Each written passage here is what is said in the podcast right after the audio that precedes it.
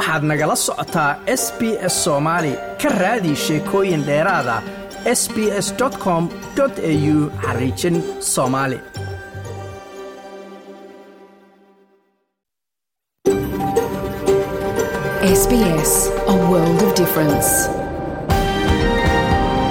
You're with SBS Somali on mobile, online, and on radio. Waxaad nagala socotaan s b s soomaali oo aad ka heli kartaan mobil online iyo rediyoga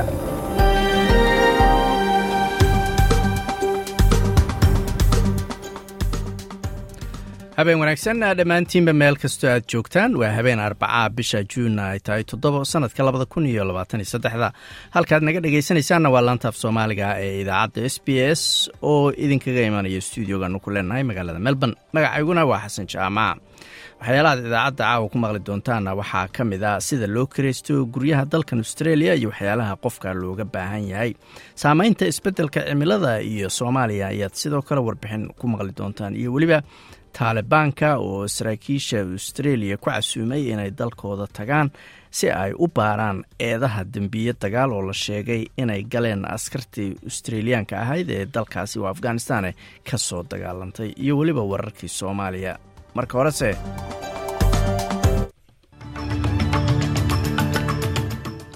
wararka caawan waxaa ugu waaweyn dhaqaalaha dalkan australia oo la sheegay inuu waxoogaa gaabis noqday. Bulshooyinka soo galootiga iyo qaxootiga oo dhibaatooyin ay ka haysato siday shaqo u heli lahaayeen. Iiraan ayaa safaaradeedii ay ku lahayd sacuudiga dib u furitay toddoba sano oo ay xirnayd kadib wararkaas iyo kuwo kale ayaad maqli doontaane u diyaar garooba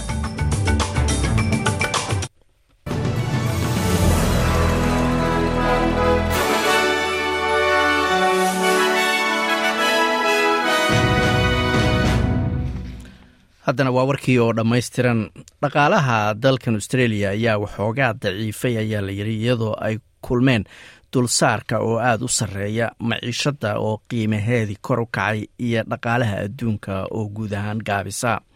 Tirakoob ka soo baxay xafiiska xisaabaadka guud ee qaranka galabta oo arbaca ahayd ayaa muujinaysa wax soo saarka guud sida uu xafiiska sida uu xafiiska tirakoobka u xisaabiyey uu hoos u dhacay iyada oo lacagaha ay dadku qarash garaynayeen ay kor u kacday oo keliya eber ama dhibic eber labo boqolkiiba oo intaa ka timid markaasi waxyaalaha daruuriga ah sida cuntada oo kale.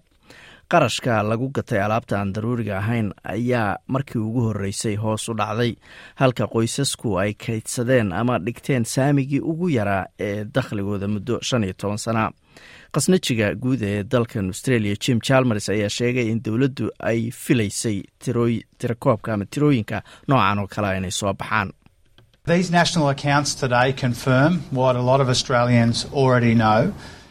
xisaabaadkaas qaran ee maanta soo baxay waxay xaqiijinayaan wax shacab badan oo australiyaana ay awalba ogaayeen oo ah in dulsaarku uu aada u sarreeyo iyo culaysyada qiimaha miciishadu inay cariiri gelinayaan miisaaniyadda dadka ama qoysaska. Sidoo kalena ay dhaqaalaha gaabis ka dhigayaan.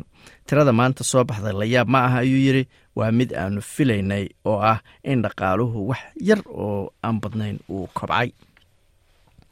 Islaa wararka ayaanu ku jirnaa dhaqaalehee khasnajigaasi jim chalmers ayaa ku dhawaaqay in la joojin doono gebi ahaanba isticmaalka jeegaga lacagaha lagu kala qaato. Ugu dambeyn marka la gaaro labada kun iyo soddonka go'aankan lagu joojinayo lacag bixintan waraaqaha ah ayaa qeyb ka ah ayaa layidhi qorshe dowladdu ay ku casriyeynayso nidaamka lacag bixinta ee dalkan australia.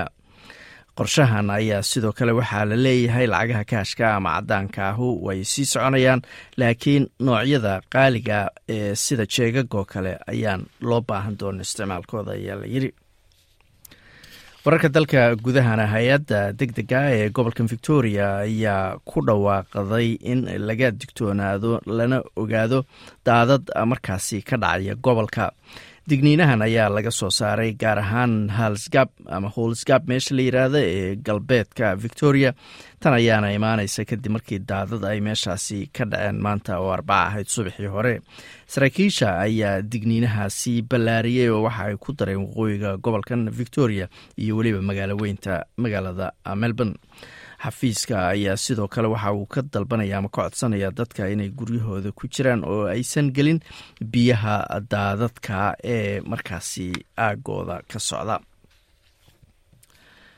Nin australiyaana oo loo xiray kadib markii intuu khamri ka dhargay uu dhibaatooyin ballaaran ka sameeyey dalka indonesiya ayaa ugu dambeyntii xabsiga laga soo daayey bori mani risby jones waxaa la xiray bishii abril kadib markii lagu eedeeyey inuu gacanta u qaaday dad isaga oo markaasi weliba qaawan oo khamri ka dhargay wuxuuna uu ku sugnaa meesha lagu dalxiisay ee jasiiradda simuul la yidhaahdo ninkan ayaa lagu eedeeyey inuu eryaday oo uu wax ku dhuftay dadkii markaasi jasiiraddaasi wadooyinkeeda marayay.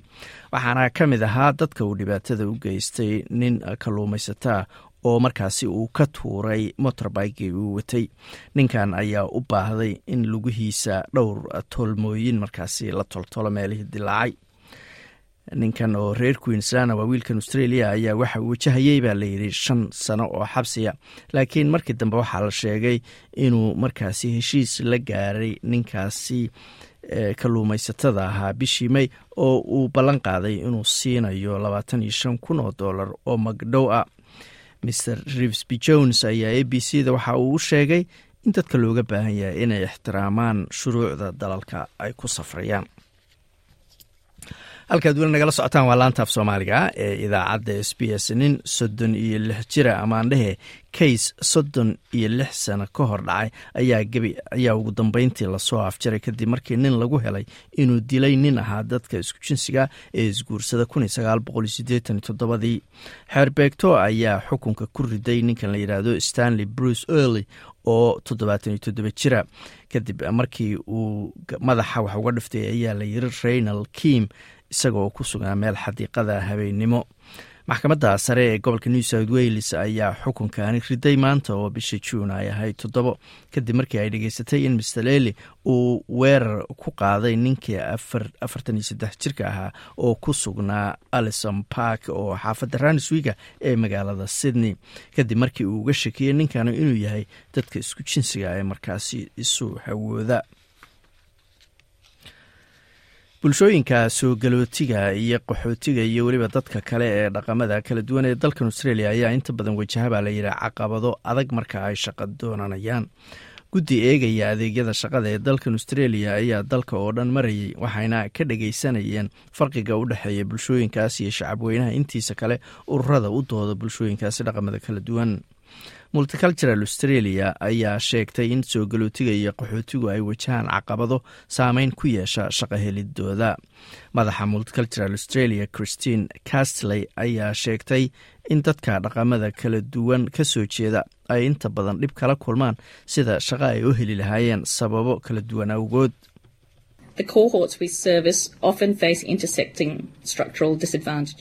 kooxaha aynu u adeegno inta badan waxa ay markaasi wajahaan ayay tiri dhibaatooyin badan oo kala duwan oo ay ka mid yihiin la qabsiga dhaqanka dalkan cusub oo adag wadadii ama wadadii waxbarasho oo ka kala go'day.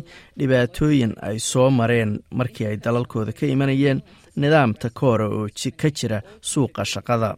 Kalsooni la'aanta qoraalka ama ku hadalka afka ingiliishka ayaa qayb ka ahbay tiri xirfadoodii oo aan loo aqoonsanayn iyo khibradda dalka dibaddiisa ooan sidoo kale loo aqoonsanayn.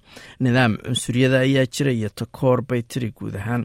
Arrimahaas oo dhan ayaana keenaya inay markaasi ku adkaato dadkaasi inay shaqooyin helaan wararka dibadda haddaanu u galno iiraan ayaa safaaradeedii ay ku lahayd sacuudiga dib u furtay kadib toddoba sano oo ay xirnayd. Tan ayaa imanaysaa kadib ku dhowaad saddex bilood ka hor markii ay labada dal ku heshiiyeen inay xiriirkoodii diblomaasiyadeed soo celiyaan. Kadib dhexdhexaadin ay china markaasi ka soo shaqaysay. Wasiirka arrimaha dibadda iiraan ali resa bigdeli iyo ku-xigeenka wasiirka arrimaha dibadda sacuudiga ali al yuusuf ayaa xarigga ka jaray xafladda furitaanka safaaradda oo ka dhacday caasimadda riyaad master bigdeli iyo ku-xigeenka safiirka iiraan xasan zarmeger ayaa hoosta ka xariiqay muhiimadda arrintan ay u leedahay xiriirka u dhexeeya sacuudiga iyo iiraan. Isagoo intaa ku daray in calanka iiraan oo laga suray sacuudiga iyo kan sacuudiga oo laga suray iiraan ay iskaashiga labada dan u dhexeeya waa cusub ay markaasi u furayso. Master zarneger ayaa uga mahadceliyey china iyo dalalkii kale ee ka soo shaqeeyey in xiriirka iiraan iyo sacuudigu markaasi uu hagaago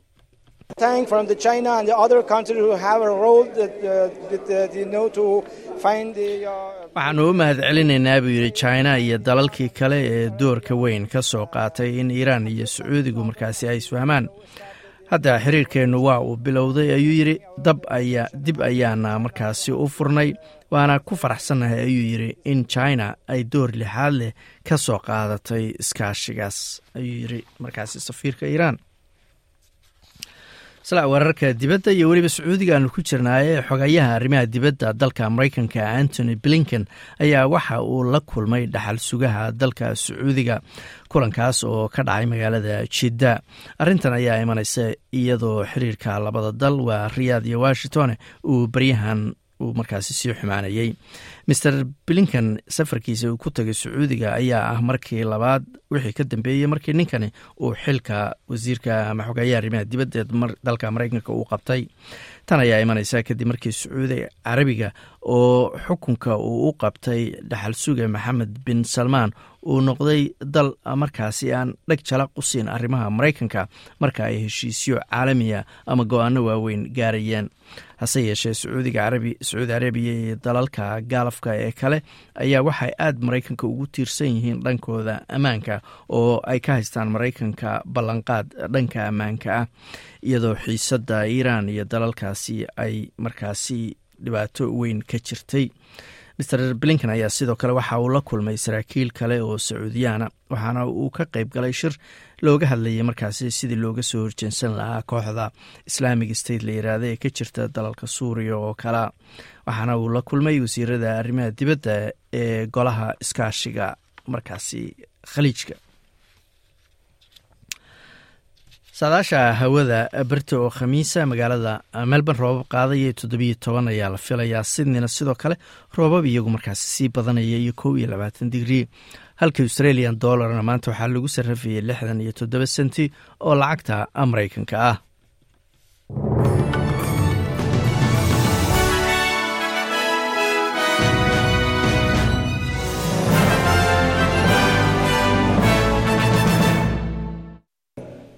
halka aad weli nagala socotaan waa laanta af soomaaliga ee idaacadda s b s ciidamada dalkan australia ayaa muddo labaatan sana ah waxay ku sugnaayeen oo ka dagaalamayeen dalka afghanistan.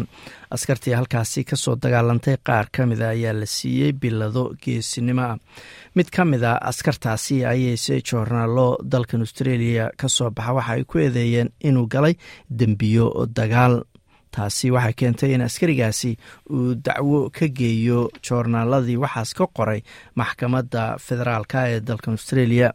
Balse maalin dhoweyd ayay maxkamaddii go'aan gaartay oo waxay tiri joornaaladu waa ay ku saxnaayeen ninkan inay ku sheegaan inuu galay dembiyo dagaal maadaama la caddeeyey waxyaalahaasi uu sameeyey haddana talibaanka ka taliya dalka afghanistan ayaa waxa ay ku marti qaadeen saraakiisha australia ee doonaya inay baaraan dembiyada dagaali la sheegay in askarta australia ay gashay inay afghanistan tagaan. Laakiin qaar ka mid a dadka afghanistan ee dalkan ayaa ka digaya arrintaasi. Warbixinaan ka diyaarinayna waatan sarkaal sare oo u hadlay taalibaanka ayaa ku marti qaaday saraakiisha australia inay u safraan afghanistan si ay u baaraan eedaha ku aadan dembiyo dagaal oo la sheegay inay galeen ciidanka australia intii ay ku sugnaayeen dalkaasi. Laakiin qareen afghanistan australiana ayaa ka digay in haddii tallaabadan ay australia qaado ay taliska talibaanka siinayso sharciyad aysan xaqu lahayn. Waraysi dhif iyo naadira oo uu warbaahinta galbeedka siiyey zabillah mujaahid ayuu ku dhiirageliyey baarayaasha dembiyada dagaal ee dalkan australia inay wadahadal la galaan ama la soo xiriiraan talibaanka isaga oo la hadlaya laanta afka baashtuuga ee idaacadda s b s ayuu sheegay in talibaanku xaqiijin doonaan inay saraakiisha siiyaan marin ammaan ah si ay ula hadlaan ama ula kulmaan dhibanayaasha dembiyada dagaalka laga galay They should let us know how and whom they will investigate, whether all the killings will be investigated. ha noo sheegeen sida ama cidda ay rabaan inay baaraan oo la hadlaan. In dhammaan dadkii la laayay ay baarayaan iyo waxa ay iyagu u yaqaanaan dembi. Markii aanu ku heshiino diblomaasiyiinteenna ayaa hawshaasi gelaya waxaana boqolkiiba boqol ku kalsoonahay inaannu ilaalinno ammaanka marka wax dhiba ma jiraan ayuu yidhi. Talibaanka oo awoodda la wareegay labadii kun iyo labaataniyo kowdii ayaa la socday natiijada ama waxa ka soo baxaya kays sumcadilid ah oo uu ben robert smith oo ahaa askari ciidanka australia ka tirsanaa uu geeyey maxkamadda saddex joornaal oo kale ah the age the sydney morning herald iyo the cambera times. Maxkamadda federaalka ayaa kowda bishan juun xukuntay in maqaaladii joornaalada lagu qoray ee ku aadanaa ninkan hore ugu guulaystay abaalmarinta aadka u qiimaha badan ee victoria crosska la yidhaahdo uu dilay dad shibil ah oo afghanistaaniyiin ah. Sidaas darteedna joornaaladu ay ku saxsanaayeen qoraaladooda ay ka qoreen ninkaasi. Kadib markii la soo bandhigay caddaymo master mujaahid ayaa sheegay in saraakiisha talibaan ay kayskan si dhow ula socdeen We have observed this case, but the perception in Afghanistan is that it is a symbolic kor baan kala soconnay kayskan laakiin sida afghanistaan looga arko waa inay tahay uun wax fal uun magac u yaalla ee aysan dhab ka ahayn sababtoo ah markii ciidanka australia ay halkan joogeen muddo labaatan sano ah iyaga oo taageerayay dagaalkii maraykanka waxay dileen ama jir dileen dad intaasi ka badan. Dhanka kalena hay'ad madax bannaan oo la yidhaahdo the office of special investigator ayaa baaraysa afartan dacwooyin la xiriira dembiyo dagaal oo la sheegay inay galeen ciidanka australia. Aasaaska hay'addan ayaa looga jawaabayay warbixintii brereton ee labadii kun iyo labaatankii. Agaasimaha guud ee hay'addan waa chris moriatis waxaana uu dhegeysi sanadka u sheegay bishii febraayo saddex iyo tobankeedii in baarayaashiisu aysan waraysan markhaatiyaal ku sugan afghanistan maadaama aysan heli karin ama la kulmi karin dadkaasi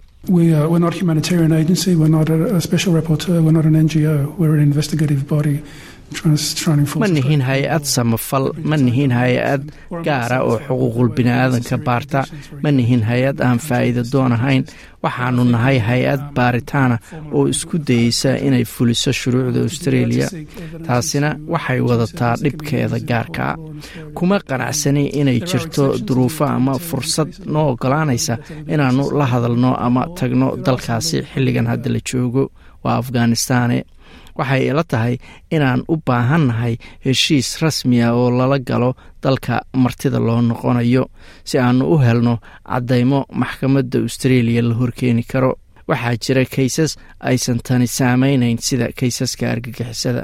Xafiiska ra'iisul wasaaraha iyo wasaaradda gaashaandhigga dalkan australia midkoodna kama jawaabin su'aalaha ay s b s tu weydiinaysay.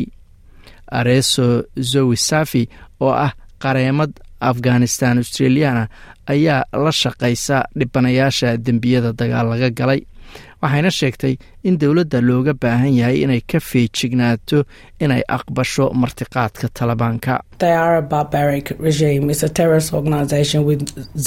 waa talis cawaandi ah ayay tiri waa urur argagixiso oo aan qofna kalsooni uusan ku qabin. Martiqaadka waa iskuday ay ku doonayaan inay wax uun aqoonsi caalamiya ku helaan ayay tiri sida laga soo xigtay qaramada midoobeyna talibaanka ayaa dilay dad rayida oo ka badan kuwa ay dileen ciidamadii kale intii uu socday dagaalka afghanistan muddada labaatanka sano ahayd. Waxay galeen dilal aan sharci loo marin jirdil wixii ka dambeeyey markii ay awoodda la wareegeen kadib markii ay ciidamadii reer galbeedku ka baxeen dalkaasi. Misaafi ayaa sheegtay in wadahadal lala gala talibaanku ay khatar gelinayso dhibanayaasha la sheegay in lagula kacay dembiyo dagaal. It is unsafe to give them financial compensation because they will be primary targets of ammaan ma aha xataa in magdhow lacageed la siiyo sababtoo ah waxay bartilmaameed u noqonayaan talibaanka oo aad lacag ugu gaajaysan wakhtigan hadda la joogo. Way soo raadinayaan wayna dilayaan ama way maxkamadaynayaan ayay tiri si ay lacagta uga qaataan waxay qareemadani ku ammaantay australia inay tahay dalka keliya ee baaraya dembiyo dagaal ee ka dhacay afghanistan iyadoo intaa ku dartay inay muujinayso in dhibkii soo maray dadka rayidka ah ay muhiim tahay ama naftoodu ama noloshoodu ay qiimo leedahay the fact that they've been heard or these allegations are coming about in Australia. xaqiiqda ah in la dhegaystay ama in eedahanaba dacwooyinkan australia yimaadaan waxay dareensiinaysaa dadkaas in naftoodu ay qiimo u leedahay dalalka ama dunida reer galbeedka ah. In maxkamadaynta noocaas oo kalea ay dhacaan waa muhiim ayay tiri. Waxay dareemayaan in waxa ay sheegayeen la ogolaaday ama la aqbalay inay jireen. Runtiina lacag ma soo celin karto dadkoodii ay jeclaayeen oo dhintay. qaar ayaa aabbayaashooda ku waayey ayay tiri dagaalkaasi halka aad warbixintaas kala socoteen waa laanta af soomaaliga ee idaacadda s b s. Weli waxaa noo soo socdaa warbixin ka mid a barnaamijyadii deganaanshaha dalkan ama fahamka ama la qabsashada dalkan australia oo ku aadan sidaad guri aad karaysata dalkan australia uga heli lahayd. Marka horese waa warbixintii uu noo soo diray waryahayaga magaalada muqdisho shir looga hadlayey isbeddelka amniga caasimadda iyo doorashada qof iyo codka ah oo ay soo qabanqaabiyeen. Asxaabta siyaasadeed ee hadda dalka ka jirta ayaa lagu qabtay caasimadda magaalada muqdisho shirka ayaa lagu soo qaaday. Waxaa iska bedelay amniga caasimadda tan iyo markii sanad ka hor dib loo doortay madaxweynaha soomaaliya xasan sheekh maxamuud. Dareenka xisbiyada siyaasadeed ee dalka iyo suurtagalnimada in dalku ay ka dhacdo doorasho qof iyo cod ah sida ay dhowaan sheegeen inta badan. Madaxda dowlad goboleedyada dalka iyo dowladda federaalk ee soomaaliya. Shirka oo sidoo kale goobjoog u ahaa wasiirka wasaaradda arrimaha gudaha dib heshiisiyiinta ee federaalka axmed macalin fiqi guddoomiyaasha xisbiyada siyaasadeed ee dalka culmaawudiin haween dhallinyaro ayaa waxaa ugu horeyntii ka hadlay cali maxamed nuux timijilic oo ah xiriiryaha xisbiyada siyaasadeed ee dalka. Waxaan leeyahay annagu waa inaan u diyaargarowno sidaan u hirgelin lahayn arrintaas ka soo baxday golaha wadatashiga qaranka. Golayaashii baarlamaankuna hadda waa ku jiraan. Waxaan maqlayay guddiyo la saaray. Cidna diidani ma jirto cidaan diidanahayna ma jirto laakiin annagu wasaaradda arrimaha gudaha federaalka iyo dib heshiisiinta ayaan annagu hoos tagnaa la shaqayn doonnaa la shaqaynaynaa. Middaa aan xanuunka weyn u qabno oo ah xagga amnigana wasiirka amniga waa is aragnay ayadana waa maaragtay meel kastaan taagannahay degmo kasta iyo yacni waax kasta iyo fabeello kastaba waa joognaa. Waxaan rabaa inaan isbahaysiga ururada siyaasadda ku booriyo.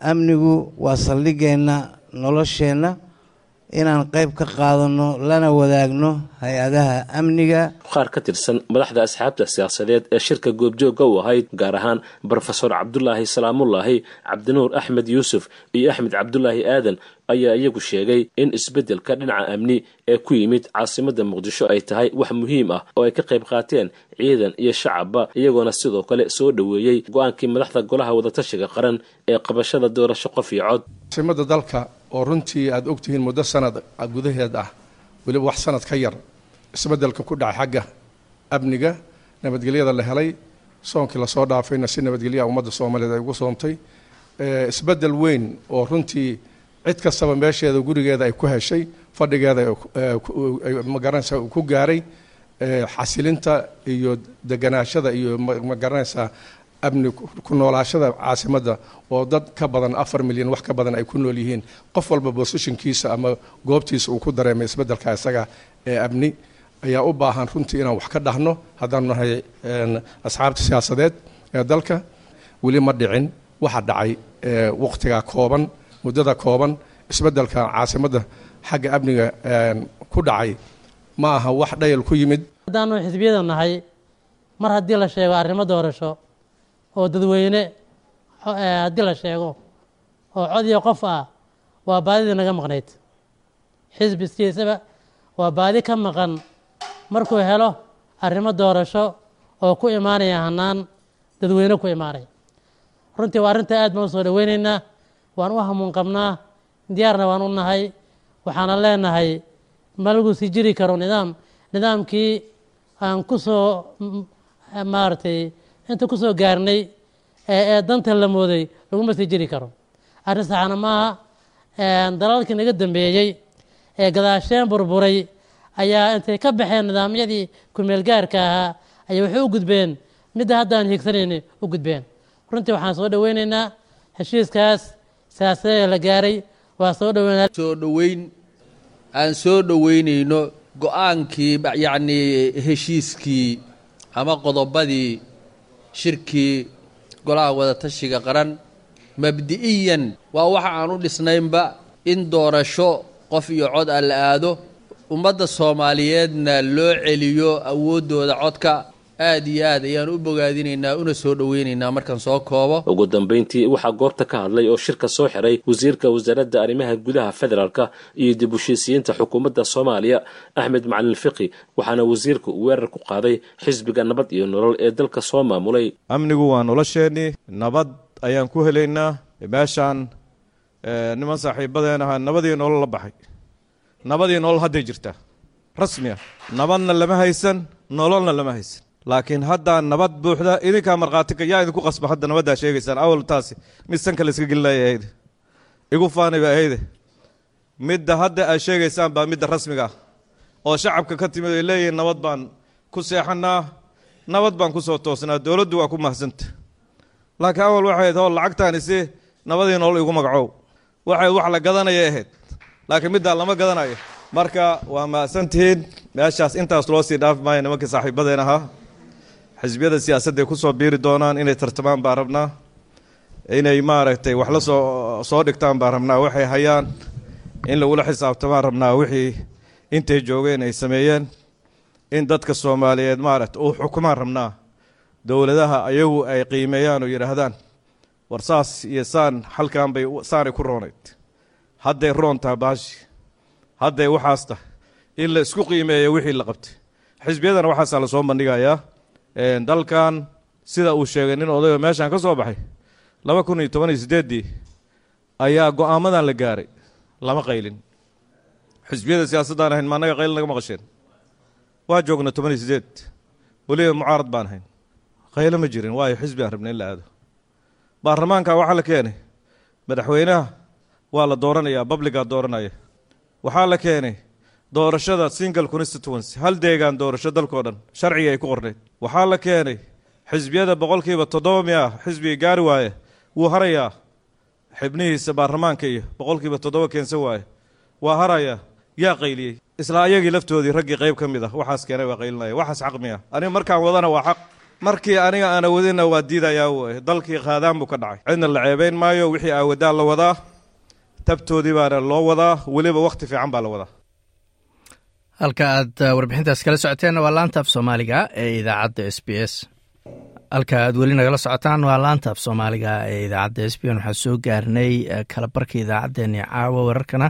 Waxaa ugu waaweynaa dhaqaalaha dalkan australia oo waxoogaa daciifay kadib markii ay isugu yimaadeen baa layidhi lacagaha dulsaarka ee interest rateka loo yaqaano oo aada u sarreeya qiimaha maciishada oo iyaguna aada u kordhay iyo dhaqaalaha adduunka oo gaabisa khasnajiga dowladda federaalka ee dalkan australia jim jalmarisna waxa uu ku dhawaaqay in isticmaalka jeegaga la isu qoro oo lacagaha lagu bixiyo laga takhalusi doono ama la joojin doono. Ugu dambeyn marka la gaaro labada kun iyo soddonka tan ayaa qeyb ka ah ayaa la yiri nidaam cusub oo dowladda federaalk ay ku dooneyso inay casriyeyso nidaamka lacagaha lagu kala bedesho ee dalkan australia. Emergency victoria oo hay'adda qaabilsan howlaha degdega ee gobolkan ayaa waxa ay soo saartay digniino ay dadka uga digeyso daadad ee gobolkan markaasi soo wajahay. Gaar ahaan holsgab meesha la yiraahdo oo galbeedka victoria waxaana mar dambe lagu daray waqooyiga victoria iyo weliba magaalo weynta melbourne nin australiyaana oo la xiray kadib markii sida la sheegay uu khamri ka dhargay rabsho ama dhibaatana ka sameeyey dalka indonesia ayaa ugu dambeyntii xabsiga laga soo daayey body mani risby jones ayaa la xiray bishii abril kadib markii lagu eedeeyey inuu gacanta u qaaday dad ku sugnaa jasiiradaasi isaga oo qaawan. Waxaana uu ku sugnaabaa lay jasiiradda layihahda semulua waxaa ninkan lagu eedeeyey inuu eryaday oo dadka markaasi uu garaacayey. Dadkaasna waxaa ka mid ahaa nin markaasi ka luumaysata oo uu ka tuuray motorbike uu saarnaa. Ninkaas oo dhaawac lugaha ka soo gaaray uu u baahday in la qalo markaasi la toltolo xogayaha arrimaha dibadda dalka mareykanka antony blinkanna waxa uu dhaxal sugaha dalka sacuudiga kula kulmay magaalada jidda iyadoo xiriirka labada dal waa mareykanka iyo sacuudiga uu baryahan uusan saa u fiicnayn. Master blinkan ayaa safarkiisa uu sacuudiga ku tegay wuxuu noqonayaa kii labaad ayaa layidhi wixii ka dambeeyey markii uu xilkan wasiirka arrimaha dibadda uu qabtay. Weli waxaa noo soo socdaa isbeddelka cimilada iyo saameynta uu ku leeyahay dalka soomaaliya. Marka horese waa mid ka mid a barnaamijyadeenii deganaanshaha dalkan australia ama laqabsiga oo ku aadan sida loo helo ama sida loo kiraysto guri kira. Waxyaalaha lagaaga baahan yahay shuruudaha lagugu xirayo iyo waxyaalaha aada xuquuqda u leedahay. Warbixintiina waatan wakhtiga hadda la joogo in ka yar konton kun oo guryo kira ah ayaa diyaar ah dalka oo dhan laba sano ka horna tiradaasi intaas waa ay ku labalaabnayd iyadoo tirada guryaha bannaan ay taariikhiyan aad u hooseeyaan in la helo guri aad kiraysato ayaa aad u adkaatay. Raadinta kirada suuqa oo guryuhu ku yaryihiin waxaa macnaheedu yahay inaadan sahlan hawsheeda oo aad ula dhaqantid sidii adoo waraysi shaqo aadaya oo kale ama job interview waxaa taladaas bixinaya greg bather oo madax u ah website-ka guryaha kirayntiisa ugu weyn dalkan australia oo la yidhaahdo rent com a u. Wuxuu fahamsan yahay caqabadaha loo maro marka guri kira ah la raadinayo.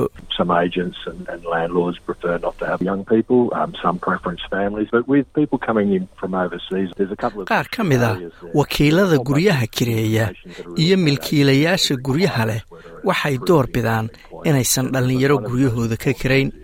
qaarkood waxay door bidaan qoysaska laakiin maadaama dadka qaarkood ay dibadda dalka ka yimaadaan waxaa jira caqabado dheeraada oo dadkaasi qabsada. Waxaa jira macluumaad ay inta badan wakiilada guryaha kireeyaa u baahan yihiin ama ha noqoto wax caddaynaya dakhliga qofka shaqada uu qofku hayo iyo waxyaalo la mida. Laakiin tan ugu weyn ee ugu muhiimsan waa taariikhda kiro ee qofka. Marka haddii aad dhowaan dalka timid ma helaysid ama ma haysatid macluumaadkaasi lagaa doonayo.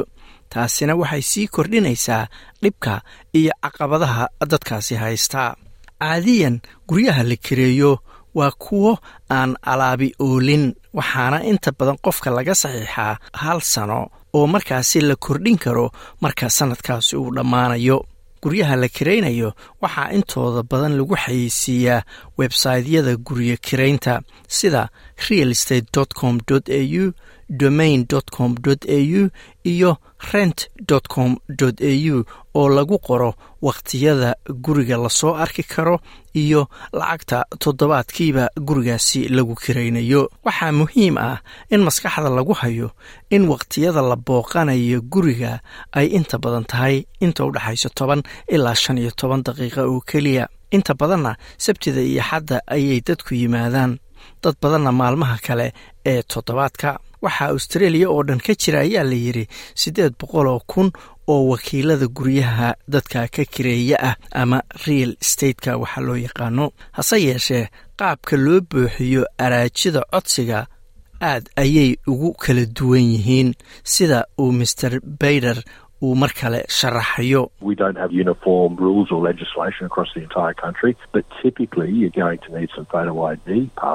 Ma jiraan shuruuc isku mid a oo dalka oo dhan ka jira. laakiin inta badan waxaa lagaaga baahan yahay aqoonsi sawir leh sida baasaboor laysan gaari caddayn shaqo iyo dakhliga soo gala sida akoon australiana oo muujinaya inay ku soo gasho lacag ku filan inaad kirada isaga bixiso kuna noolaato. Inaad la timaado sidoo kale warqad uu kuu soo qoray milkiilihii lahaan jiray gurigii hore ee aad soo kiraysatay. Warqad tixraac ah oo sheegaysa qofka aad tahay ama inaad qof fiican tahay. Waxyaalahaas oo dhan waa wax loo baahan yahay ayuu yidhi. Wakiilka guriga kireeye wuxuu eegayaa dhammaan araajida uu helay. Marka waxaa fiican inaad diyaar ay kuu yihiin dukumentiyadaadu haddii aadan haysan caddaymo muujinaya kiro taariikheedkaagii waxaa jira dariiqyo kale oo wakiilku eegi karo. Nik waa dadka sameeya farsamo gacmeedka ama tradiska loo yaqaano sidoo kalena leh business ama ganacsi uu isagu uu leeyahay oo fadhigiisu yahay melbourne wuxuu email u diray wakiilka guriga kiraynaya ee xaafaddiisa oo uu ugu sharaxayo duruufta markaasi uu ku sugan yahay iyo waxa uu u baahan yahay After being an owner for over 20 years and then entering the rental market, it was very difficult because I didn't have any. kadib labaatan sano oo aan guri lahaa waxay kadib noqotay inaan galo suuqa kirada aad ayayna u adkayd sababtoo ah ma aanan haysan tixraac ama taariikh kiro oo ay wakiilada guryaha kireeyaa u baahnaayeen. Waxaan siiyey caddaymo ah inaan ahay qof kirada iska bixin kara oo waxaan siiyey macluumaad muujinaya dhaqaalahayga ama lacagta aan haysto.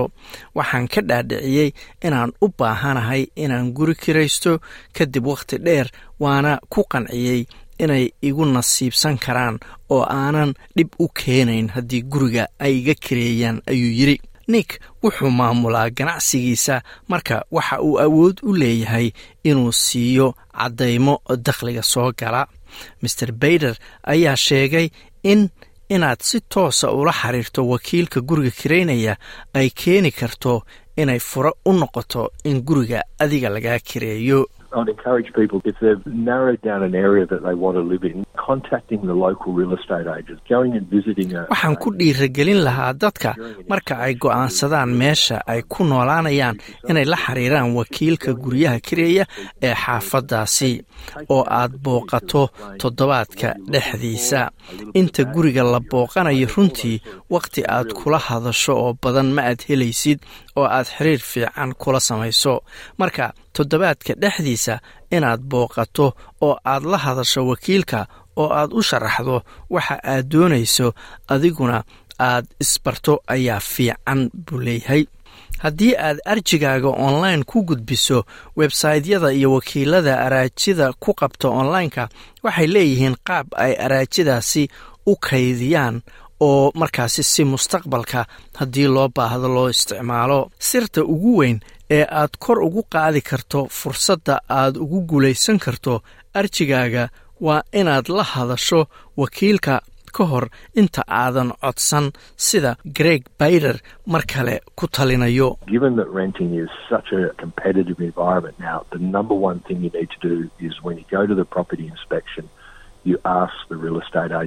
Maadaama guri guri kiraysigu uu yahay arrin tartan badan loo galo? waxa ugu horreeya ee aad samaynayso waa inuu noqdo inaad soo fiiriso guriga la kiraynayo kadibna weydiisa wakiilka sida uu u doonayo in loo codsado. Sababtoo ah inta badan wakiiladu meelo kala duwan ayay araajida ka qabtaan sida qaar email loogu soo diray qaar way soo wacaan oo telefoon ayaa loogu soo diraa qaar online-ka ayay ku codsadaan. Marka wakiilka ka hubi sida uu rabo si aad ugu yaraan u hubiso in liiska dadka araajida keenay lagugu daro. Nik oo leh ganacsi isagu uu leeyahay ayaa helay guriga uu kiraysan lahaa isaga oo aan online gelin ama tegin. Markii duruuftiisu isbedeshayna wuxuu si toosa ula hadlay wakiilka oo uu u sheegay inuu guri kii hore ka weyn u baahan yahay The brilliant part was that the owner had another property that suited me and I was able to move to midda ugu fiican waxay ahayd in milkiiluhu hayay guri kale oo igu habboon oo aan markii dambe u guuray. Runtii wax fiican ayayna ii ahayd. Isma lahayn markaas inay macquul ahayd inaan sidaa sahlan guri ku helo. Laakiin waxaa ii sahlay su'aashii aan weydiiyey. Guriga hadda u kiraysan nick lama xayaysiin maadaama uu bannaanaaday markii uu wakiilka u tegey sidaasna isaga loo siiyey markiiba. Greg bayder ayaa ku raacay inay jiraan qaabab kale oo ka duwan inaad guri ka raadiso websaytyada waaweyn ee guryaha kireeya If you start looking at some of the other more common social media sites, there are properties for rent on there. Just be really careful. haddii aad fiiriso qaar ka mida baraha bulshada caanka ah waxaad ka helaysaa guryo la xayeysiinayo oo kiro ah waase inaad ka taxadarto tuugada iyo burcadda dadka dhaca heshiis ha ku gelin telefoon hana u dirin lacag adiga oo aan hubin in gurigu jiro waana inaad hubiso inay yihiin dadka guriga lahaa ama wakiil loo dhiibay dadka aad la hadlayso. Bishaan rahimi waa madaxa kiraynta ee hay'ad loo bixiyey love and co real estate oo waqooyiga melbourne ku yaalla master rahimi ayaa sheegay inuu si dhow ula shaqeeyo jaaliyadda afka faharsiga ku hadasha si uu u daboolo caqabadaha luqadeed iyo kuwa dhaqan uuna dadkaasi uga caawiyo siday guri ku heli lahaayeen.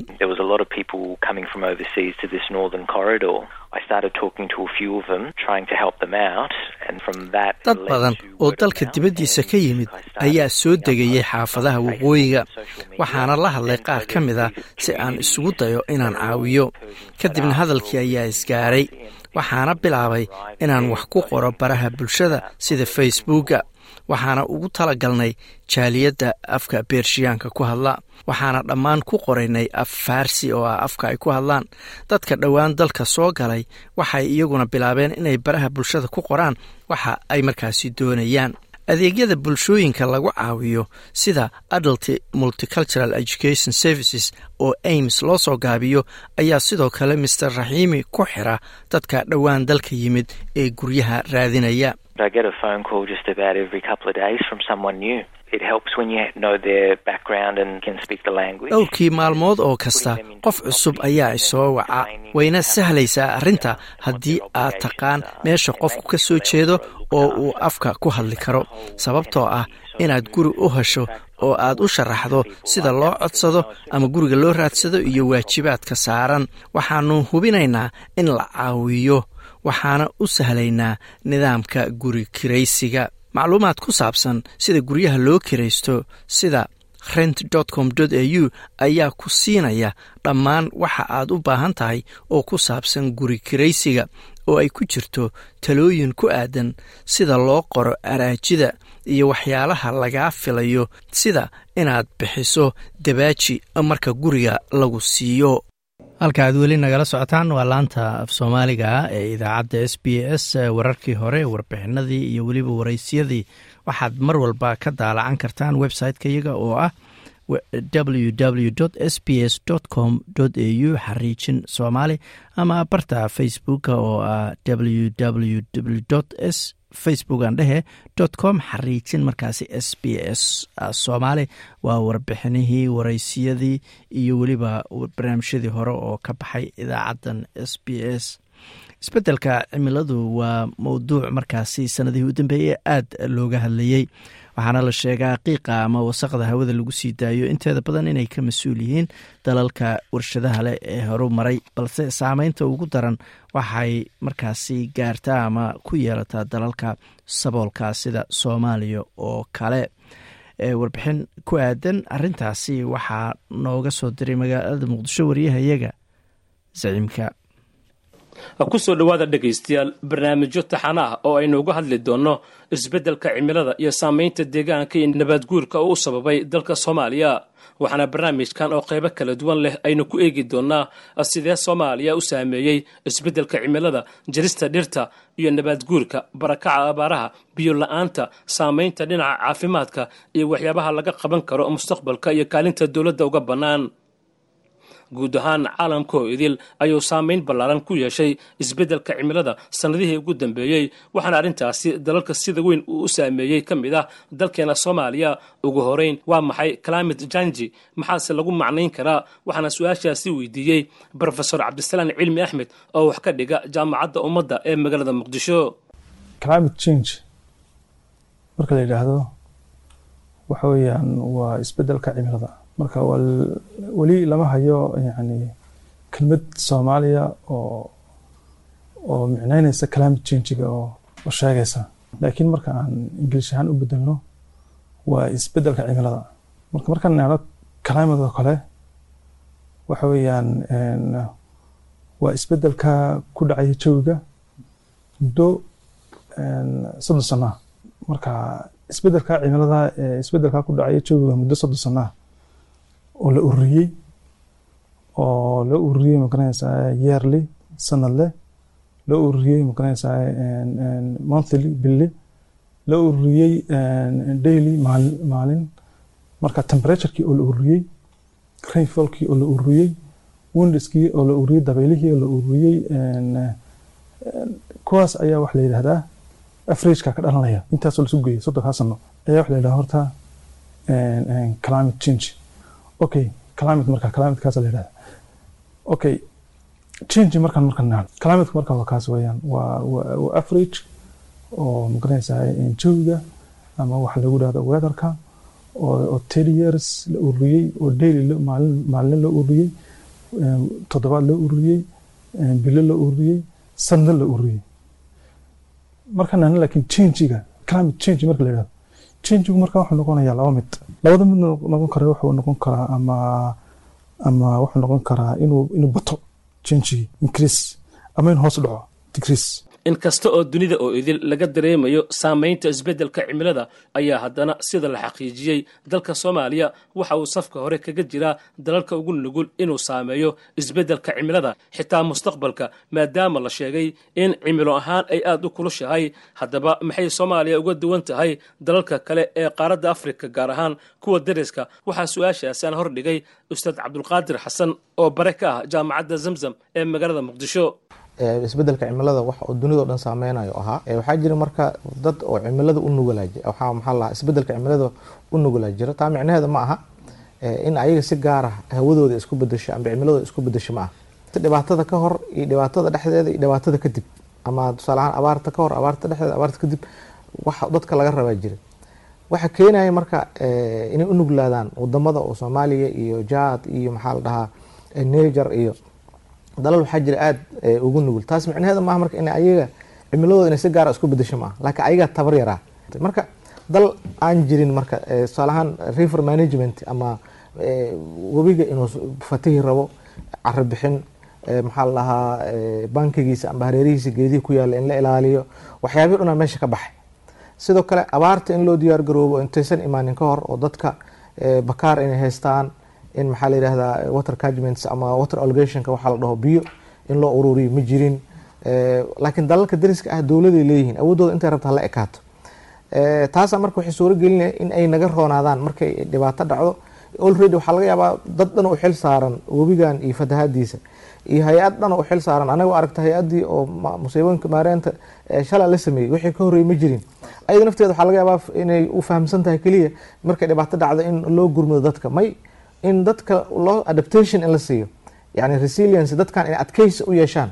Dhibaatooyinka inay adkeysi u yeeshaan in la baro. Marka dalalka dariska ama dalalka adduunyada dhibaatada wayna la qabaan oo anaga adduunka ka midna hadda ma dheheyno si gaara anaga maxaa la dhahaa cimilada ay noogu xun tahay micnaheeda maaha. Waa way dhici kartaa dal gaara inuu xaalufo inay dhibaato gaara ka dhacda way dhici kartaa. Laakiin waa musiibo oo dunidao dhan ka jirta. Marka tabarteena oo yar ayaa hadda haddii dhib dhaco dhibka inta badan wuxuu ku dhaca qofka tabar yaraa marka annaga tabaryaradeeniya marka waxay sii kordhinay in ay muuqato maxaa la dhahaa culeyska na oo muuqdo oo wixii loo baahnay marka oo adaptation ama laqabsiga cimilada waxa dhahay jira maanta oo dunida waxa ugu badan oo laga hadla ay tahay cimilada dadka inay la qabsadaan ah. Tiya marka a meesha ka maqan. Dhibaatada isbeddelka cimilada gaar ahaan soomaaliya waxa uu saameeyey dalagyadii ka soo go'ayey beeraha oo waxaa yaraaday in dalag lagu beero dhulka. Sidoo kalena xoolihii ayuu saamayn ku yeeshay maadaama ay yaraadeen roobabkii da'ayey haddaba sidee kulaylka cimilada isbedeshay saamayn ugu reebay dalka soomaaliya. Waa kan brofesor cabdisalaam cilmi mar kale. Herkulka isbedelaya wuxuu keenaya wuxuu saameynayaa bili aadankii wuxuu saameynayaa ma garanaysaa xoolihii wuxuu saameynaya dhartii marka marka uu isbedelo heerkulku waxaa imanaya markaa in inaku soomaaliya waxa la yidhahdo waxa weeyaan waa semi desert area. So carada markaa semi desertiga ama caradaas astaanta lagu yaqaano karakterka lagu yaqaano waxaa ka mid ah inay temperature badan ay soo jiidato.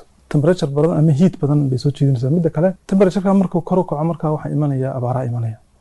Abaartaasi markaa waxay saameynaysaa oo saameyn ay ku yeelanaysaa xoolihii. Soomaaliya waxaa la yidhahdaa xoolaha waxay boqolkiiba lixdan wax soo saarka wadanka waayo dhaqaalaha soomaaliya marka laga hadlayo wuxuu ku tirsan yahay xoolaha. Xoolihii markaa markay abaar dhacdo maxaa imanaya markaa in economigii wadanka ma garanaysaa dhaqaalihii wadanku hoos dhaco? Ya dhoofitaankii xoolaha la dhoofinay hoos dhaco. Marka hadduu hoos dhaco markaa wadankii waxaa ku dhacaya ma garanaysaa dhaqaal xumo. Wuxuu saameynayaa ma garanaysaa beerihii. Beerihii markaa waxaa dhacaya in ma garanaysaa roob la'aan waayo beertu waxay u baahantay biyo u baahantay waterku waxa weeyaan water sourceku waa waa the most important waa kugu muhiimsan. Maadaama waterka ay kugu muhiimsan ma garanaysaa uu u baahan yahay geedku. Geedkuna uu soo baxayn biyo la'aan. Waxay noqonaysaa marka xalku wuxuu noqonayaa sidan ma garanaysaa strategic planka la samayn karaa waxay noqonaysaa halkaad warbixintaas kala socoteen waa laantaaf soomaaliga ee idaacadda s b s warbixinahaas ayaa noqon doona taxane.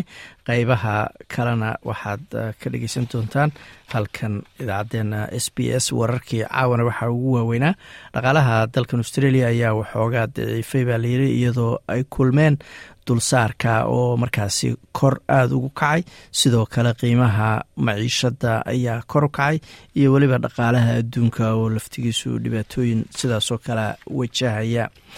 Bulshooyinka soo galootiga iyo qaxootiga ee dalkan australiana inta badan waxay wajahaan ayaa layiri caqabado adag. Marka ay shaqo doonanayaan guddi eegaya adeegyada shaqada ee dalkan australia ayaa dalka oo dhan soo maray waxayna ka dhageysanayeen ururada u dooda bulshooyinkaasi farqiga u dhexeeya bulshooyinkaasi iyo shacabweynaha intiisa kale. Dalka iiraan ayaa safaaradeedii ay ku lahayd sacuudiga dib u furatay kadib toddoba sano oo markaasi ay xirnayd. Tan ayaa imaneysa kadib markii ku dhowaad saddex bilood ka hor ay labadan dal waa sacuudiga iyo iyo iiraan ee ay xiriirkoodii diblomaasiyadeed markaasi soo ceshadeen. Wasiirka arrimaha dibadda iiraan ali resa bigdeli iyo ku-xigeenka wasiirka arrimaha dibadda sacuudiga ali al yuusuf ayaa xariga ka jaray xafladda furitaanka safaaraddan oo ka dhacday caasimadda dalka riyaad wararkii caawa ama barnaamijkeenii caawana intaas ayaan ku soo gebagabayneynaa waa anigoo ah xasan jaamac oo inila intaas iyo nabadgelyo waa inoo habeenka jimcada. Haddii uu eebba idmo like aas la wadaag wax ka dheh lana soco barta facebooka ee sb s soomaali